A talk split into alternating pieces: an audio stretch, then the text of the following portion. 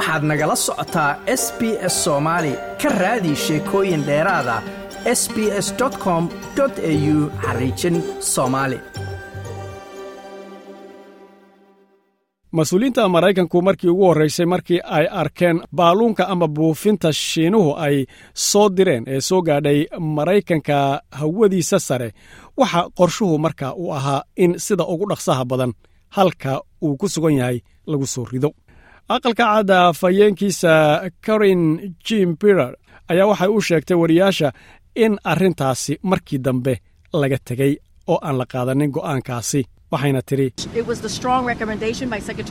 uh, uh, waxay ahayd talada xooggan ee wasiirka gaashaandhigga lloyd auston iyo sidoo kaleete hogaamiyaha hoggaanka waqooyiga ee ciidamada maraykanka kadib markii tallaabooyinkaasi laga tegay sababo la xidhiidha iyadoo laga cabsanayo amaba laga foojignan yahay sababo la xidhiidha khatarta iyo badbaadada dadka dhulka ku sugan ee iyagu ay ku soo dhacayso. Balse maraykanku islamar ahaantaasi ma aynan ka hadhin sidii loo soo ridi lahaa isla mar ahaantii ay soo dhaqaaqday ee ay horay u soo socotay dabayshuna ay dhan u waday waxa ay markaasi ahayd tii lagu sugayey wakhtiga oo ugu fursadda badan ama ugu habboon ee lagu qarxinayo. Madaxweynaha maraykanka jo biden ayaa waxa uu isagu sheegay in amar uu ku bixiyey in gebigeedaba la qarxiyo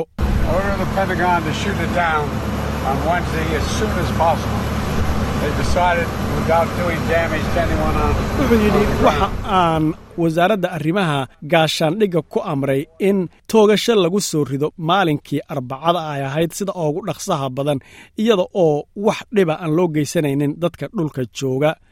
wakhtiga ugu habboon ee arrintaa la samaynayana waxay ahayd marka ay biyaha dul socoto. Soo riditaanka baluunkaasi ama buufinkaasi ayaa soo jiidatay dadweyne iyagu ku sugnaa goob ka agdhow halka lagu soo ridayey ee xeebta martal la yidhaahdo ee south carolina ku taalla. Dadkaas oo aad ula socda kuna faraxsanna waxaa ka mid ahaa hadalladoodii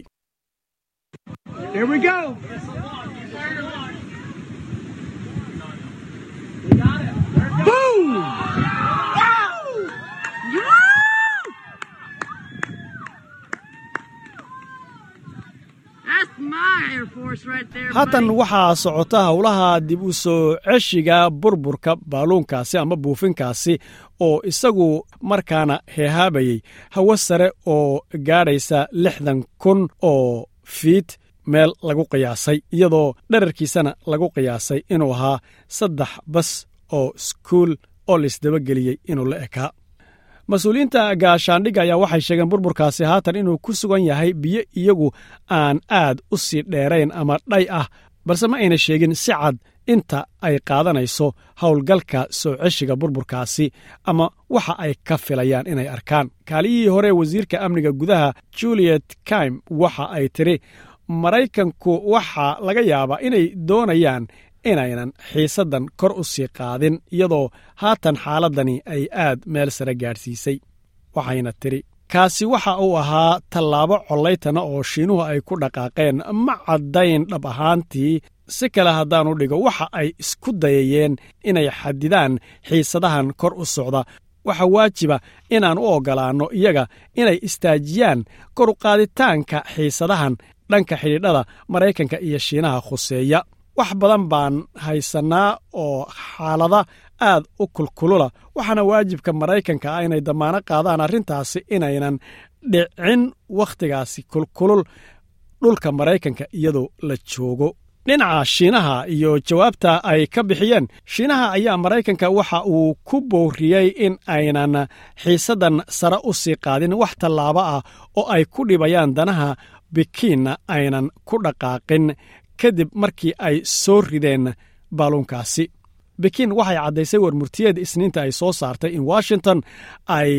saamaysay dhibna u geysatay weliba adag xidhiidhada labada waddan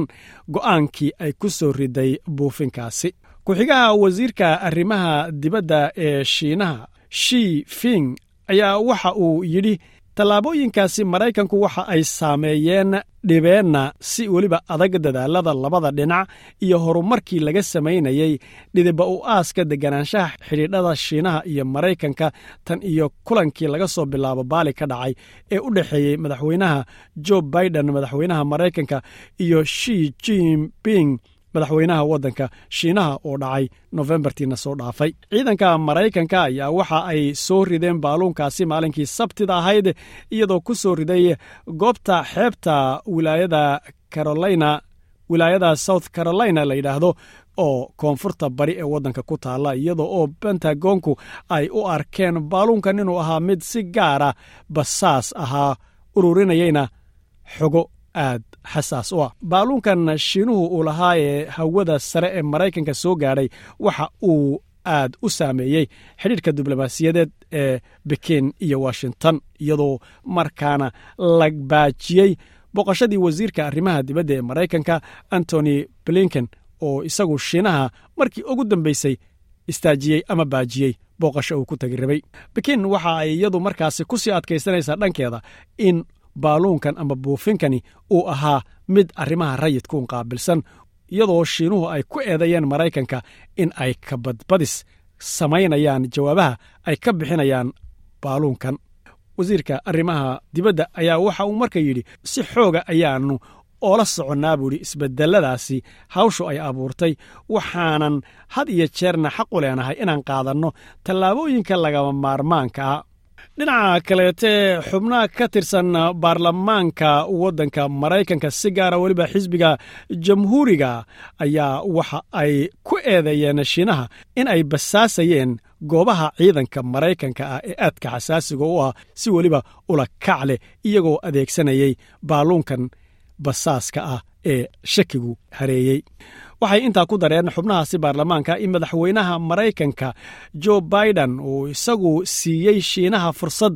ay sirdoon ku dhex mushaaxayaan hawada sare ee maraykanka iyadoo ay iyadoo ay soo dhex gashay hawada sare ee maraykanka. Madaxa guddida sirdoonka golaha baarlamaanka mike torner ayaa waxa uu sheegay in baaluunkani uu muhiimaddiisii dhammaystay buu yidhi marnana ma ahayn buu yidhi in loo oggolaado inuu soo galo maraykanka baaluunkan dhinaca kaleetee ku-xigaha madaxa guddida sirdoonka golaha senadka marco robio ayaa waxa uu isagu aad u inkiray sugitaanka madaxweynaha waddanka maraykanka baiden uu isagu sugay in baaluunkaasi uu hawada saree maraykanka uu intaa dhex socdo isagoo intaasi ku daray. In tallaabadaasi ay gaadhaysa buu yidhi ka gaabis uu ka gaabiyey madaxweynuhu gudashada waajibaadkii loo igmaday.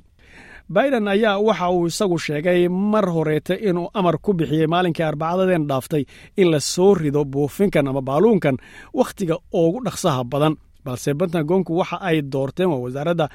arrimaha gaashaandhige in la sugo ilaa iyo uu ka tegayo goobta ugu ammaanka badan hawshaasi fulinteeda si looga fursado wax dhiba in la gaarsiiyo wakhtiga la soo ridayo dadka iyagu ku sugan dhulka. Sida laga soo warinayo mas'uuliyiin dhanka bentagona haatan waxaa socda howlgalkii dib loogu soo celin lahaa burburka baaluunkaasi la qarxiyey ee badda dhexdeeda ku daatay burburkiisu iyagoo ay ka qayb galayaan doomaha biyaha quusa. Waxaa burburkaasina uu ku dhacay biyo aan aad u sii dheerayn amaba aan mool weyn ahayn oo dhay ah. Arrintuna ay markaa noqonayso arrin fudud. Warar kaleetoo la helaya ayaa waxa ay sheegayaan in haatan ujeeddadu ay tahay baaluunkaasi in la geeyo shaybaadh ay leeyihiin ciidamada sirdoonka ee maraykanku oo ay ku leeyihiin wilaayada virginia si markaasi baadhitaanno dheeraada loogu sameeyo burburkaasi.